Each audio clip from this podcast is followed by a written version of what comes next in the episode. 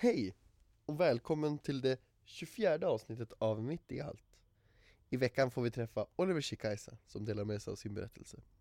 Jag vill påminna om en Spotify-lista som vi har gjort där vi samlar alla gästers låtar i en ruggig skön blandning. Eh, och bästa sättet att hitta denna länk är på vår sida facebook.com ungiusf. Och som vanligt vill jag också tipsa om hashtaggen mitt i allt, där det finns många härliga insikter om livet. Men nu är det dags för veckans avsnitt. Ha det gött!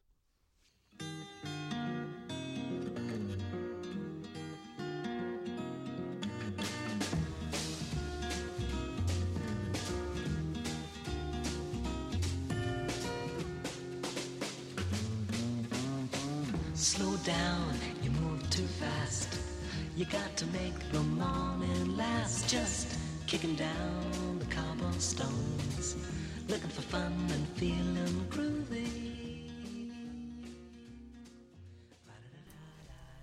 Hej Oliver, Hej Fredrik. hur är läget? Det är bra. Mm. Ja, man känns som att man vaknar till liv nu efter vintern och solen kommer fram och sådär. Så då, ja, då känns allting bra bara. Ja, det är ju underbart att höra. Mm. Hur har din eh, senaste vecka sett ut? Min senaste vecka, oj det har varit väldigt mycket plugg. Det, har det. det är lite tentahets och det är grupparbeten hit och dit och sådär. Men nu börjar också det lida, lida mot sitt slut. Så nu, ja, Lite skönare studieperiod? ja men precis. Skönt. Eh, vad är det du pluggar? Jag pluggar civilekonomprogrammet här på Umeå universitet. Andra terminen, så jag började i höstas då. Okej. Så det är en, än så länge är det ganska nytt men det känns rätt än så länge. Hur lång är den utbildningen? Fyra år, Fyra år. precis. Ja, då har du tre kvar. Ja, tre kvar. Men det blir nog inga problem tror jag. Nej. Trivs du bra med att plugga? Ja, verkligen. Det, man var lite nervös och sådär för lite nya grejer när man väl hade valt att börja plugga och man fick reda på att man fick komma in och sådär. Mm. Då tänkte man lite om, ska, är jag verkligen redo för det här eller något sånt där. Mm. Och, men sen när man väl började så kom man som in i det och man började lära känna nya människor och det blev helt, helt annorlunda än vad man hade tänkt sig. Mm. Och det blev bara toppen. Varför tvekar du tror du? Oj. Men så pass stor förändring, tror jag. Från att eh, ha varit ledig ett år, eller jobbat ett år efter studenten med ja, bara arbetslivet och van att tjäna pengar och sådär. Till att gå från ja, studielån och sådär. Och väldigt mycket nya människor. Det är bara nya människor. Och samtidigt har man fått sett en helt ny bild av Umeå också. Som jag inte trodde fanns. Jag trodde mest att man, hade gjort hela Umeå när man var liksom uppväxt här. Men man har fått se en helt ny sida. Mm. En bra sida. Ja. Studentperioden är Precis. ofta skön. Eh, vad jobbar du med nu innan? Jag jobbade som golvläggare. Okej. Det var som, det var lätt, lätt att komma åt det som att min pappa jobbade som golvläggare hela tiden. Okej. Och då var det som lätt att få jobb för han och så. Så jag sökte som inget annat. Det blev som- blev bara som att jag hamnade där. Att jag sommarjobbade där under, under somrar och sådär tidigare. Eh, varför eh, blev det ekonomistudier? Oj. Varför? Ja, det var väl lite åt, jag, var lite, jag är lite intresserad av så här företagshållet. Eller lite, jag är väl intresserad av företagsvärlden och sådär. Och jag har som ingen, hade som ingen uppfattning om vad riktigt. Men jag visste bara att det var någonting inom företagsvärlden. Då, just civilekonomprogrammet är väldigt öppet. Så man får som välja inriktning under tredje året så får man som välja inriktning på vilket håll man vill, eller vad man vill jobba inom. Liksom. Har du någon aning? Nu har jag ännu ingen aning. Det är andra terminen. Man har fått lite hum om, om några grejer sådär. Men det, jag vill kolla in allting först innan jag liksom väljer var jag hamnar. Och du är klar om, om tre år i princip. Precis. Eh, Var det ett, ett eh, svårt beslut att bestämma dig för att börja plugga? Ett år efter gymnasiet ändå.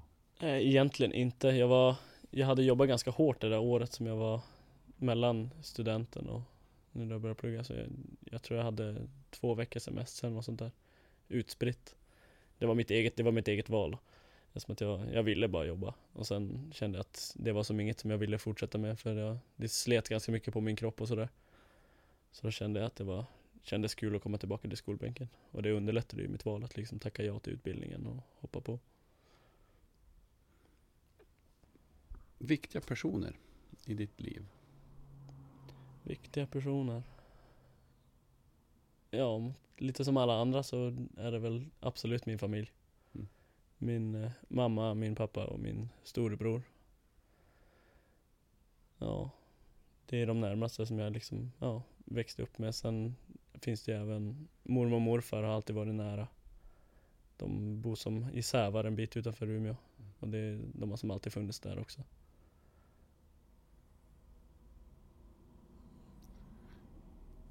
Din pappa är inte härifrån. Nej. Min eh, pappa han är från Ecuador. Och kom hit när han var 20 tror jag han var. Däromkring. Hur hamnade han här? Hur hamnade han här? Ja, det är lite komiskt. Han tror tror han kom hit för att eh, hälsa på en kompis eller något sånt där. I Stockholm då. Där mamma bodde för tillfället. Och sen, sen lyckades de stöta på varandra. I Stockholm. Och så, ja, så gick det ganska snabbt där. Så blev de tillsammans. Så blev han fast. Ja, och har bott här sedan dess. Ja. Har du varit och hälsat på hemma Mm. i Ecuador? Precis, jag har varit där tre gånger. Ja, tre gånger har jag varit där. Hur, hur är det? Det är väldigt annorlunda. Det är, det är verkligen, man får verkligen en verklighetsuppfattning när man kommer dit. Om att det verkligen inte ser ut som det gör här överallt. Som att det är en, väldigt mycket mer människor på en väldigt mycket mindre yta. Och det är fattigdom och kriminaliteten är högre och sådär. Så det, det är verkligen en verklighetsuppfattning. Eh, hur påverkar det dig att åka dit? Oj. Aldrig riktigt funderat över det. Men det är väl just att man inser det här att man har det verkligen bra här i Sverige och Umeå. Så där, även fast man klagar på att vintern är för lång och sådär så Så när, när man verkligen är där och ser hur det är där och sådär så Även fast de har bra väder året om så Finns det ju andra faktorer som liksom spelar in på hur man mår. Har släkten från Ecuador varit hit någon gång? Farfar har varit här. Ingen annan. Han var här sommaren 2006 tror jag. Och frös? Han frös. Men han tyckte det var väldigt, väldigt intressant. Han gick, han gick och kollade på alltså allt. Som när, som när vi går i storstäder och kollar på, så här på, i alla fall jag. Så gick han och liksom kollade in allting i minsta detalj och tyckte allt var himla nytt och fräscht och även liksom hur kan ni, hur kan ni ha det så här? Vi, vi har det inte så, det funkar för oss, eller funkar bättre för oss. Och sånt där. Och han, han är ju bygg, byggnadsarbetare, han också. Så han, han får, får också så runt i byggen och sådär med, med pappa. Bara för att liksom kolla hur saker och ting sköttes och sådär. Var väldigt imponerad över hur, ja, hur saker gick till här. Oj. Alltid intressant och spännande med Mm. kulturmöten. Eller vad man ska kalla det. Ja, verkligen. Man lär sig ofta mycket. Eh, att ha en, en pappa som har flyttat hit från ett, ett annat land och växa upp. Mm. Eh, har det har du märkt någon påverkan eller någon konsekvens av det i, i din uppväxt, i ditt liv? Ja, jo det, det har jag nog gjort. Det har varit lite, även han, han fick ju också den här kulturkrocken Mm i, när han kom hit och lite av det har, finns väl kvar fortfarande. Så det, det har man väl absolut märkt av. Han är, ja, om man, ja, vad ska jag säga? Ja. Tänker väl lite, det låter fel men han, inte som alla andra pappor som man har sett. Han är väl lite, lite tystare av sig. Fast det är väl mer personlighet. Han säger inte så mycket men just, just det här med att han inte är så himla bra på att liksom visa känslor och sånt där. Det kommer nog från hans uppväxt i, i Ecuador då med att det är väldigt tufft och sådär. Så då har han blivit väldigt instängd. Och det har som påverkat mig och min bror lite grann. Mm. Har du svårt idag att visa känslor? Alltså? I vissa fall så har jag hört att jag har haft det. Men eh, det är väl någonting som jag tänker på. Och något som jag känner att jag inte vill ha. Så det är väl något som jag jobbar med i så fall. Ehm, om man tänker att man, manligheten i Sverige är ju, är ju sån oavsett, eller oavsett, men manligheten i Sverige är ju ganska avskalad från känslor på det sättet. Mm. Skulle du säga att det är ännu mer så? Ja, det, det För- skulle för jag absolut säga. Mm. Det är en helt annan syn på det, liksom män och kvinnor och sånt här i de är som, känns som att de är några år tillbaka i tiden. I, där borta.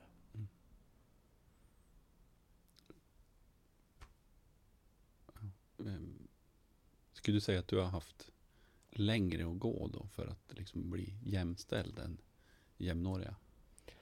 Nej, det skulle jag inte säga. Där har ju, mamma är ju väldigt, väldigt eh, liksom för jämställdhet och sånt där och hon, hon har ju liksom verkligen pushat på det där genom hela vår uppväxt. Så just jämställdhet och sånt där har jag, har det aldrig varit någon tvekan om. Ja. Men det är känslobiten där som... Precis, det är väl lite så. Ja, Just det. Eh, har det skapat dig problem? Ja, lite, eller problem och problem. Det är väl när jag var mindre så har jag väl varit väldigt, väldigt, när jag blir arg så har jag lätt sprungit iväg och sådär. Jag har fått höra jättemycket grejer som jag gjort när jag var liten. Att jag klättrar upp högst upp i träd och sådär när jag varit arg. Bara suttit och vägrat komma ner och sådana grejer har jag väl gjort. Men det, det har, jag gör jag inte längre. Man hittar, man hittar inte dig i trädtopparna. Nej. Nu har Oliver bråkat. inte det? Ja, det är ju Nej. skönt att höra. Ehm, hur... eh, Hur kom du i kontakt med, med oss, våran podcast och församlingen? Det började ju när jag konfirmerade mig. Där blir sommaren i årskurs åtta, något Mm. sånt där. Ja. Så då, det var då jag träffade alla er för första gången. Och eh, Nej, jag träffade er innan, fast jag vet inte om du minns det. Du var ju konfirmationsledare för min bror. Ja, det var jag. Det om du minns det? Så Jo, jag minns att jag, Ja. var, att jag var med. Vint, ja, vinterkonfirmation. så här. precis. Ja, nej, men det, det var då jag stötte på, stötte på dig första gången fast det Mm. var som, ja, stötte på bara. Ja. Och sen, sen visste jag då att du var konfirmationslärare till min bror och skulle även vara det för mig. På, Fast det var jag ju inte. nej, det, var du inte det? Jag var inte på det läget. Nej, det kanske du inte var. Nej. När, stött, när stötte jag på dig då? Ja, du och jag, du började hänga på centralen efter Ja, konfen. just det, det var där det var. Mm. Nej men första kontakten med, ja men församlingen då, eller vad man ska säga. Mm. var ju då konfirmationen och sen efteråt så fortsatte alla, alla som vi hade varit på läger med gå, gå på centralen och ledarutbildning och sånt där Mm. här på församlingsgården. Mm. Och det var där jag kom i kontakt med dig. Mm, stämmer nog. Eh, vad, hur var din konfirmation? Betyder det något för dig? Oj. Jag fick som ingen, ingen sån här religions, alltså upp, vad säger man? Jag fick som relation med typ såhär Gud och sånt där tror jag Ja. inte jag fick. Men det här med att tro på att det finns någonting mer och tro på någonting. Det växte nog lite mer i alla fall. Så, Ja. så pass att du valde att fortsätta komma hit? Ja, fall. ja, lite där och lite att det var mycket kompisar som var här och sådär. Stark faktor, en viktig. Gemenskap är, Ja, precis. Är ju viktigt. Eh, Och sen följde du med till, till C minns jag ju. Yes. Eh, Berätta om det, hur, hur, var, hur var det? Oj, det var, det var väldigt, väldigt häftigt. I, till en början när man fick höra det första gången, då var det som att fara till ett kloster i, i Frankrike. Så där, det var liksom, oj, vad, vad ska man tro? Men när man väl, när den väl närmade sig, man fick reda på mer och mer om hur det var där borta och när man väl kom dit och verkligen såg hur det var. Så var det väldigt häftigt att se hur liksom så pass många människor kunde vara där och alla var, alla var vänner och saker och ting fungerade som det skulle. Utan någon vidare ansträngning egentligen inte. Det var som en självklarhet att alla skulle hjälpa till och städa och dela ut mat och sådana där grejer. Det var väldigt, väldigt fränt att se hur folk från hela världen kan verkligen samlas och få allt att fungera. Hello, lamppost, what you knowin'? I come to watch your flowers growing. Ain't you got no rhymes for me? Do it and do do, feeling groovy. Eh, hur ser eh, din, din tro ut idag? Jag menar att alla människor tror, bär någon form av tro Mm. med sig. Alla människor är andliga. Eh, hur, hur ser du på det idag? Vad tror du på?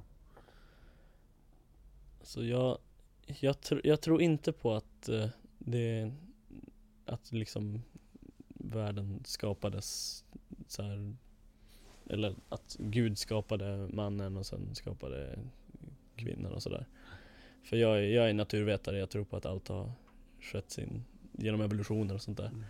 Men jag tror absolut att det finns någonting som verkligen liksom ser till att saker och ting händer och att allt sker. Att allt har en mening nästan. Det tror jag på. Och lite mer, man ska tänka, tänka ännu djupare och liksom dra samman det här livet efter döden och eh, det här just det här just det här, jag som naturvetare att eh, då finns det inom, inom fysiken så säger de att energi aldrig kan dö utan det bara kan omvandlas. Mm. Och då har jag funderat lite och hört från andra om att liksom människan består ju av massa energier och energi och sånt där också. Så varför skulle inte liksom människans energi omvandlas till någonting annat när liksom kroppen dör? Så att man liksom lever vidare. Sin energi lever vidare någon annanstans. Lite sånt jag funderat över. Har du någon, någon aning om var det där annanstans, Nej. var eller vad är det? Nej, verkligen inte men Just energin är ju odödlig. Den, den omvandlas bara. Och i vad? Det kan vara, det kan delas upp i Delas upp och bidra till massa olika saker eller just flyttas över till någonting, en annan kropp eller vad som helst.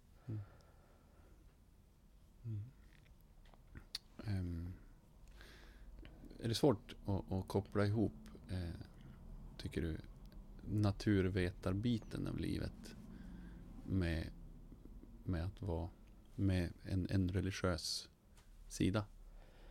Ja, jo lite för man vill som ha svar och bevis på många saker. Vill jag ha i alla fall. Och det finns väldigt, väldigt mycket som inte går att svara på i dagsläget ju. Med allt vad forskning har, allt vad forskning har tagit fram. Mm. Så jag, jag skulle, jag vill faktiskt ha väldigt mycket bevis innan jag tror på saker. Men, Mm. men det stoppar mig ändå inte från att, från att liksom tänka och undra liksom om vad som, hur det är och vad som kan hända eller varför saker händer och sånt där. Eh, evolutionsteorin är ju, är ju intressant. Ehm, och det finns ju mycket, som, mycket i resonemanget kring evolutionsteorin som, som är ganska liksom belagt att jo, men så här Mm. har det förmodligen gått till. Mm. Det verkar sannolikt. Ehm, jag kan ändå tänka att, att eh, bakom det det finns någonting som har drivit evolutionen eller någonting som har Mm. sett till att saker har utvecklats. Ja, jo. eh, hur tänker du kring det? Kan, kan det vara något? Ja. Det låter ju väldigt rimligt att just som jag, som jag, som jag har tänkt att saker sker, sker av en anledning. Och att, ja, det är klart det finns en anledning varför liksom fiskarna en, en dag bestämde sig för att skaffa ben och gå upp på land. Mm. Och sådana där grejer och fortsätta utöver det. Mm. det, jag tror absolut att det har skett av en mening. Vad tror du är meningen då? Vad är, vad är Vad är meningen, meningen med livet? livet? Ja. Oliver Chikaisa levererar svar. Nej, men meningen med livet. Jag fick höra av en gammal lärare att meningen med livet är fortplantning. En gammal, eh, Biolog kanske? ja precis. Att det var den enda meningen vi hade här på planeten och det som det enda vi och djuren liksom tänker på. Men ja, det vet jag inte riktigt om det, om jag håller med. Jag vill fundera lite på att att lycka är väl lite av meningen med livet. Att de flesta genom hela livet söker lycka. Och att liksom det får en att liksom ja men vilja leva. Så jag tror verkligen att det har någonting med saken att göra i alla fall. Mm.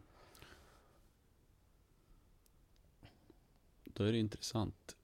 Det är ett väldigt intressant ordval. Mm. Därför att det är så många som jagar efter att lyckas. Ja, Eh, och jag tänker att man, man, man tror att om jag lyckas blir jag lycklig. Eh, men du säger inte det. nej. när är du lycklig? När är jag lycklig? Ja, det kan vara allt från att från att liksom umgås med sådana personer jag verkligen trivs med och känner att här kan jag vara mig själv. Och verkligen ja, våga vara mig själv hela, hela vägen. Till att, till att träna. Som att jag, jag har tränat hela, en, ja nästan hela mitt liv har jag alltid hållit på med någon sorts idrott. Och det, det får mig att liksom kunna släppa alla tankar ut, utanför och bara kunna liksom vara där, där och då och träna. Det är en väldigt, väldigt frihet för mig. Till, ja, till, ja, det är mycket jag blir lycklig av. jag är väldigt glad som person. Jag Mm. skrattar väldigt mycket har jag hört. Ja, det är gott. Mm. Ehm, kan du berätta om någon situation eller episod, samma sak, eller person i ditt liv som har påverkat eller förändrat dig? Mm. Fram till för, för några år sedan, var i den där TC-fasen, när var det vi var det? 2010 eller 11? 20, ja, där Vad är det nu? Det är 2015 nu. Jag var Precis. 14, 12 och 11. 2011. 2011. Mm. Just, just 2011 så började liksom, började hända lite saker i mitt liv som aldrig hade hänt förut. Innan dess hade jag som Inget, inget svårt hade drabbat mig eller min familj och sånt där innan det. Mm. Och just då började det liksom Det blev lite problem mellan mamma och pappa och sådär och Och Sånt som liksom fick en att tänka efter lite grann. Och sen efter det har det som börjat hända lite med grejer att Familjemedlemmar har gått bort och sånt där. Och då har man som Ja släktingar och sånt där. Och då Då har man väl funderat lite mer om verkligen ja men om, om livet och upps- ja, man, hur viktigt det är att uppskatta saker och sådana där grejer. Så innan, innan dess har jag verkligen, har jag, man som tagit allting för givet eftersom att man inte har varit med om någonting. Mm. Mm.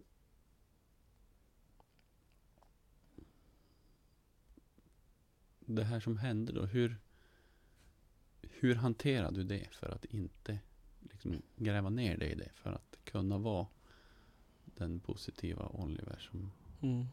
Som du själv berättar om. Till, till en början, när, om då ska prata om det som hände mellan mamma och pappa där i Mm. början, så var det just den här känslan att det här som jag berättade pappa hade, att stänga inne känslor och sådana där grejer, det var, det var väldigt mycket sånt Mm. till en början att jag liksom stängde ute det som hände mellan dem och jag, jag orkar inte bry mig om det där, jag, jag bryr mig inte. Mm. Typ sånt. Men ja, det var ju, det var ju väldigt jobbigt för mig liksom in, in, inombords. Och det var någon, jag tror det var någon dag när jag satt ner med mamma och jag öppnade upp mig helt och hållet. Sa vad jag tänkte och sådär. Och det var som någon av de, en av de första gångerna jag verkligen hade gjort det. Och då blev det verkligen helt, det blev som helt annorlunda. Och det är något jag försöker tänka på när saker och ting händer, att man, man tjänar inte på att hålla allting inom sig, utan man, det är skönt att släppa, släppa ut saker och dela saker med folk. Känslan att lämna ut sig på det sättet. Som du då Mm. måste ha gjort. Hur, hur hanterar du det? Det, och väldigt, det var ju väldigt nytt och det blev väldigt känslosamt att liksom öppna upp sig så pass mycket. Även fast det var liksom mot mamma, den som man liksom man vågade öppna upp, öppna upp sig mot. Mm. Så var det väldigt, väldigt skrämmande. Till en början. Jag antar att det är därför jag inte har gjort det tidigare. Men det var, ja. Det var som en skrämmande känsla men det var Det var som skönt i efterhand. Att kunna liksom Liksom jag visste att det var inte bara jag som tänkte, eller det var ju jag som tänkte de tankarna men Att Mamma visste om det och, och hon liksom kunde Hon kunde liksom Säga sina visdomsord och sådana där grejer. Liksom få henne att må bättre. Mm. För hon visste liksom vad jag tänkte på när När hon såg att jag var ledsen och sånt där.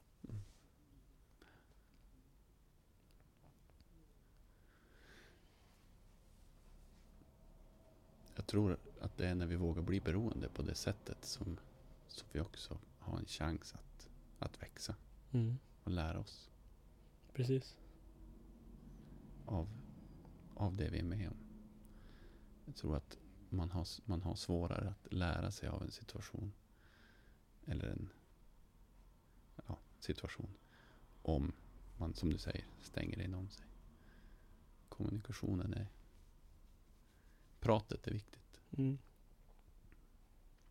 Har en klok mamma. Ja, jag, jag har fått höra det. Ja. Det skulle jag absolut säga att jag har. Det är bra. Ehm, hur ser mamma och pappas relation ut nu? Mycket bättre. De, eh, de hade som problem och sen hade de en bit isär.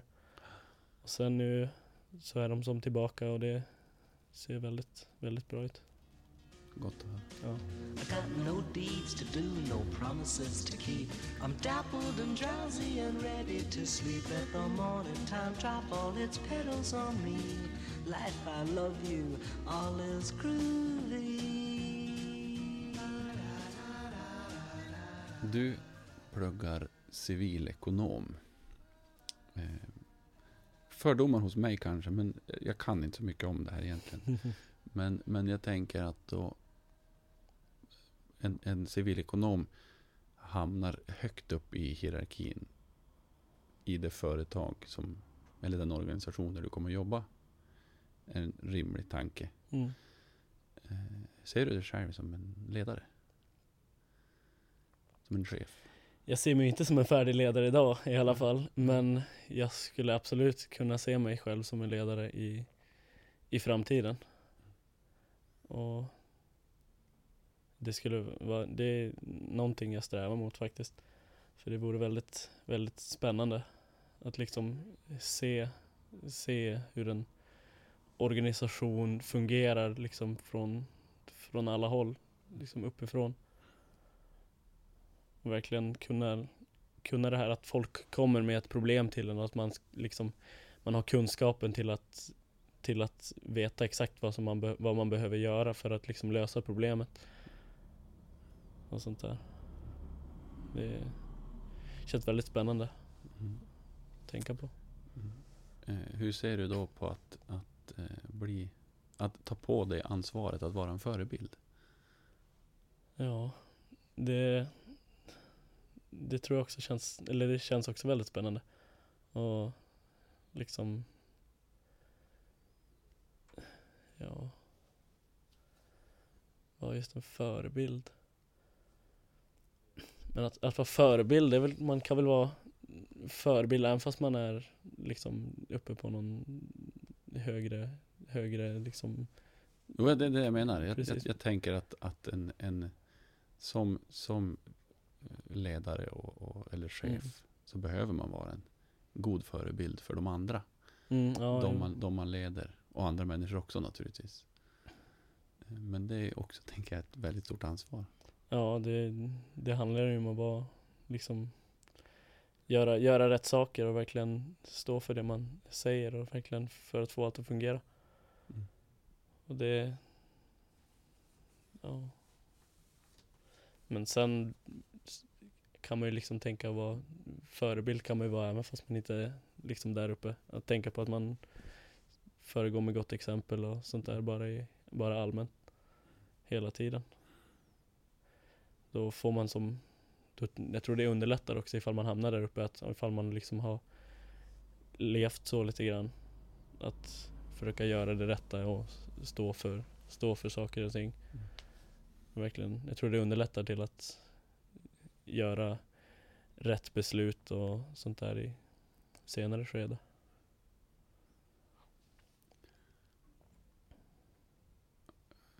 Har du någon, någon eh, större förebild? Oj. Ja, jag, jag har en. Steven Gerrard. Kapten i Liverpool FC. Ett lag som jag följer hela vägen. ja, han är väldigt, han är en väldigt, väldigt stor förebild. För att? På grund av hans, hans, hans ledarskap. Hans, liksom, hans sätt att leda och hans medmänsklighet. Att han verkligen, han gör, han gör allt för, liksom, inte bara Liverpool som, som lag och inte bara Liverpool som stad, utan för, liksom, ja, för fotbollen och för, liksom, allt som kretsar runt omkring det. Och han vill verkligen att alla ska ha det, att alla ska ha det så bra som möjligt. Han, han engagerar sig i saker utöver fotbollen i, i staden och sådana där grejer och han, han, vad man har hört av andra spelare som pratar om honom och sånt där, då känns det som en helt, helt otrolig människa som verkligen, verkligen gör allt rätt, känns det som. Mm. Får vi hoppas att han inte gör. Vi får hoppas han är mänsklig ja, eller hur? Eh. Men eh, han har ju ett väldigt, väldigt gott rykte, så är det ju. Ja. Och dessutom en fantastiskt duktig fotbollsspelare. Mm. Ehm. Spelar du fortfarande fotboll? Nej, jag la ner förra, förra våren. Okej. Då kände jag att det blev lite för mycket. Ja. Kändes, jag fick den här känslan att det var jobbigt att fara, fara på träningar och sånt där för det det tog som tid som jag inte var beredd att ge även fast, även fast jag väl tyckte att det var kul när jag väl var där Så var det Var det samtidigt, var det som jobbigt tiden emellan Och då Då kände jag att om jag inte liksom vill Vill fortsätta, om jag inte är beredd att lägga ner all tid som krävs för att bli bättre Så är det inte lönt att jag fortsätter.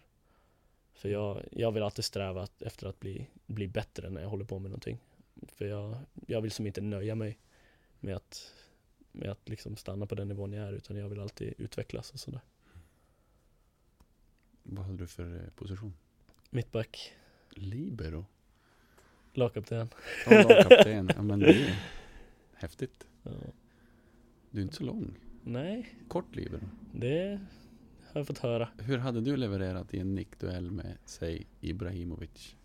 Ja, jag, jag hade, inte, hade inte längden Mm. Men eh, jag vill ju Jag vill ju säga att jag var ganska smart Men det var mycket Mycket tjuvknep och Sådana där, där grejer som kompenserade upp min längd Mm. För jag fick, jag fick alltid höra att jag var för liten för att vara mittback Jag fick När jag var mindre fick jag Sitta väldigt mycket på bänken för att jag inte var lång nog Mm.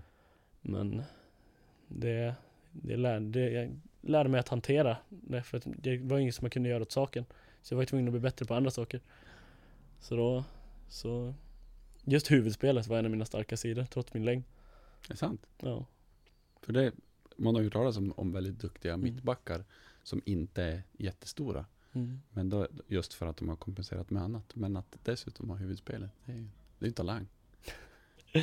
Vilket lag spelar du i? IFK Umeå, Just det. ända sedan jag var sex år Ja. spelade. Hur högt upp i divisionerna kom du? Jag gjorde några inhopp i division 3. Men Okej. det var just när jag var, var där uppe och tränade med dem som jag kände att nu krävs verkligen att jag lägger ner tid för att Mm. ta plats och sådär. Och det var verkligen då som jag kände att det, det är inget som jag är beredd att göra. Så, så det var division 4 ska jag säga att jag spelade. Ehm, vad tränar du nu istället? Nu tränar jag på gym, på, på Iksu. Och bli biff. Precis. Schysst. Nej men det är, som, det är bekvämt det också. Då kan man som träna när man vill och, och vad man vill och man får liksom lägga upp ett schema själv och sådana där grejer. Och man ser ju utveckling på ett annat sätt när man tränar. Jämfört, när man tränar gym då jämfört med fotboll till exempel. Det man saknar det är ju den här lagandan. Mm. Att verkligen tillhöra ett lag och vara med folk när man tränar och skratta och skoja och samtidigt vara allvarlig och sådär. Nu är man ju bara sig själv och sina hörlurar. Ibland har man med sig någon kompis till gymmet och sådär. Det är väl största skillnaden. Eh, bär du på några rädslor? Ormfobi är något jag har Ormfobi? otroligt mycket av. Det är en, ormar är något jag verkligen inte klarar av. Ja. Knappt att titta på. Jaså? Det är, jag tycker det är hemska djur. Ja. De gör säkert någon nytta också. Ja, folk säger det men jag vill inte tro på det. det finns ju andra som kan äta möss och sådana där grejer. Ja, sant. Fast de, det är klart de har sin, sin roll i naturen. Mm. Ja, vi får väl räkna med det. Precis, det är därför de finns kvar. Ja, precis. Eh, Bär du något, någon annan, någon fler rädsla? Oj.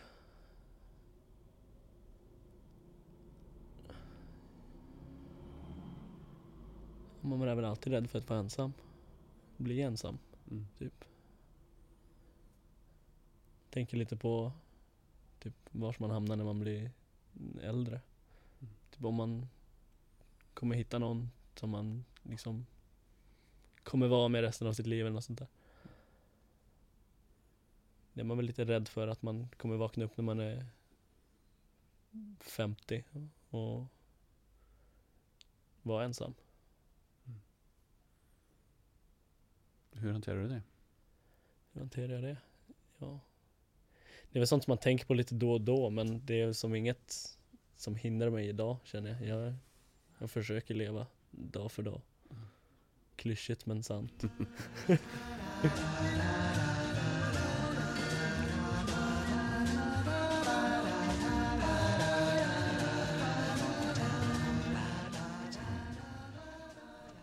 Du ska få en fråga Yes. eh, ställd av en tidigare gäst. En av våra poddtraditioner. Ehm.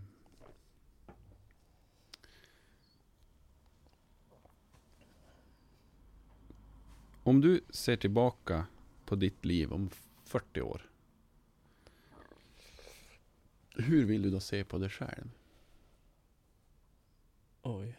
Vilket liv vill du ha levt? Och se tillbaka på. Om 40 år. Ja, eller 50. Ja, eller 30. Men om, om en lång tidsperiod. Nej men jag skulle vilja se mig själv som någon som har Någon som är nöjd med det man har gjort Men utan att liksom klanka ner på andra Liksom att man har, man har nått den hierarkin inom företaget, man har nått högt upp eller något sånt där utan att liksom, utan på andra, inte, utan att liksom bekostnaden av andra. Så att man verkligen kan känna att att man, man förtjänar det. Man har nått dit för att man är duktig på någonting. Är karriärsbiten viktig för dig? Nu när man studerar och sådär så har de väl Så har man börjat tänka på det mer och mer Så det har väl blivit ganska centralt nu Men annars så är det ju Har det ju alltid varit familj och och närhet som har, som har stor betydelse. Det, det har stor betydelse nu också, absolut. Det är väl absolut den absoluta lyckan. Mm. Att verkligen ha folk, ha folk nära sig som man ja, trivs med. Eh, Är de... Så här, hur svåra är de bitarna att kombinera? Karriär och familj, tänkte Ja, du? ja. Ja. I mitt, I mitt framtidstänk nu så är det ju jättelätt. Mm. Men när man väl hamnar där så är det säkert något helt annat. För, för, för att nå dit man vill inom karriären så måste man ju i alla fall till en början offra mycket från det privata. Tror jag säkert. Men jag skulle ju inte, jag skulle inte vilja offra, offra mitt i framtiden om jag verkligen hittar någon, mm, ja men har fru och barn. Skulle jag inte vilja offra det för att liksom ta ett steg i karriären. Skulle jag aldrig göra. Då hamnar ju det privata högst upp. Det är viktigare. Ja, absolut. absolut.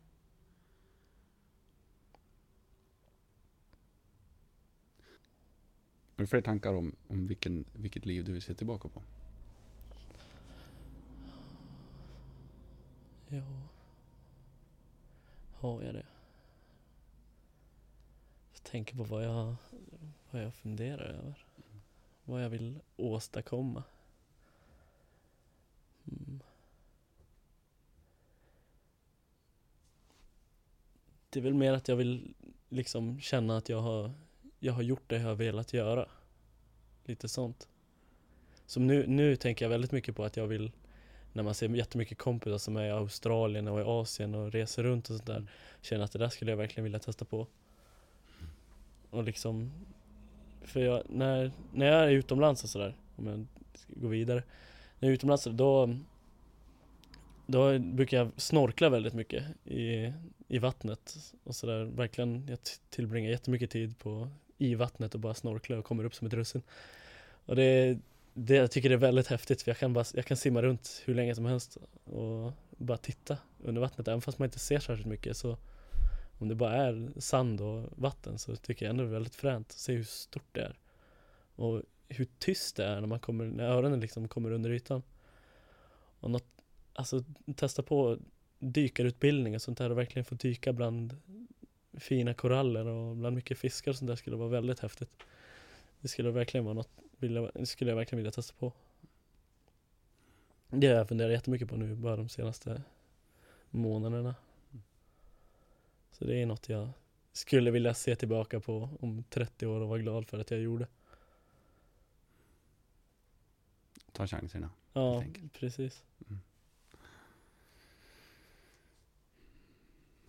Det är väl det råd som väldigt många brukar leverera Mm. till de som är yngre än en själv. Ja, Våga prova. Och det är väl det är nog klokt att lyssna på det. ja det, det fick jag höra när jag jobbade som golvläggare och var på ett bygge. Då var det någon gubbe där som skulle ta, skulle ta, mm, skulle gå i pension. Precis i den där, i de närmaste veckorna. Och då, han, han tittade på mig och bara så vad, vad gör du här? Du, du, du är för ung för att jobba med det här. Sluta jobba, du förstör din kropp och studera i 15 år till för du kommer ha, du kommer hinna arbeta senare. Du, det finns ingen stress att börja arbeta nu. Då visste inte han att, eh, att jag liksom verkligen tänkte plugga vidare och så här, utan han trodde säkert att jag skulle hålla på med golvläggning hela livet. Mm. Men det var så väldigt, väldigt fränt att höra hur han som skulle ta pension just, just nu tyckte att jag var väldigt, väldigt dum som skulle börja jobba så pass tidigt. Mm. Så det, det, är- det är faktiskt något som jag tänker på lite då och då. Mm. Att man har tid, man har tid att jobba. Så man, det finns ingen stress ute i arbetslivet. Ehm, Du ska få ställa en fråga till nästa gäst. Oj. Ja då, då tittar jag ut genom fönstret och ser att det är väldigt, väldigt fint väder. Mm. Och det, ja, solen tittar fram och jag ser inte så mycket moln i alla fall från det här fönstret. Och eh, just när jag ser sånt här så blir jag väldigt, väldigt glad. Snön smälter och våren kommer och sommaren närmar sig. Och jag, jag älskar sommaren, jag är verkligen en sommarmänniska. Jag skulle gärna vilja ha sommar året om. Och 40 grader och olidlig värme. och ja, då skulle jag vilja, vilja fråga nästa person hur den, hur den känner när, liksom när man, när det är sol och blå himmel ute. Ja. Varför, hur får det dig att känna? Då, ja, nu har du svarat på det själv redan. Vi Ja. brukar lämna tillbaka frågan till, till, eh, till den som har ställt den. Mm. Ehm, ehm, vi ska säga tack så jättemycket Oliver för att du har tagit dig tid att vara med i vår podcast. Eh, tack för att du delar. Och det sista vi ska göra är att du ska få välja en låt. Mm. Och berätta vilken och varför. Vilken och varför? Mm. Ja, då spinner jag vidare på känslan som jag har just nu. Och som jag sa till er tidigare, att man vaknar upp och solen skiner igenom persiennerna. Och känner man att man, att livet är väldigt bra. Så då skulle jag vilja lyssna på Don't Stop Me Now med Queen. För det är en väldigt, väldigt feel good låt känner jag. Och passar bra till mitt nuvarande, min nuvarande känsla. I'm a shooting star leaping through the sky like a tiger,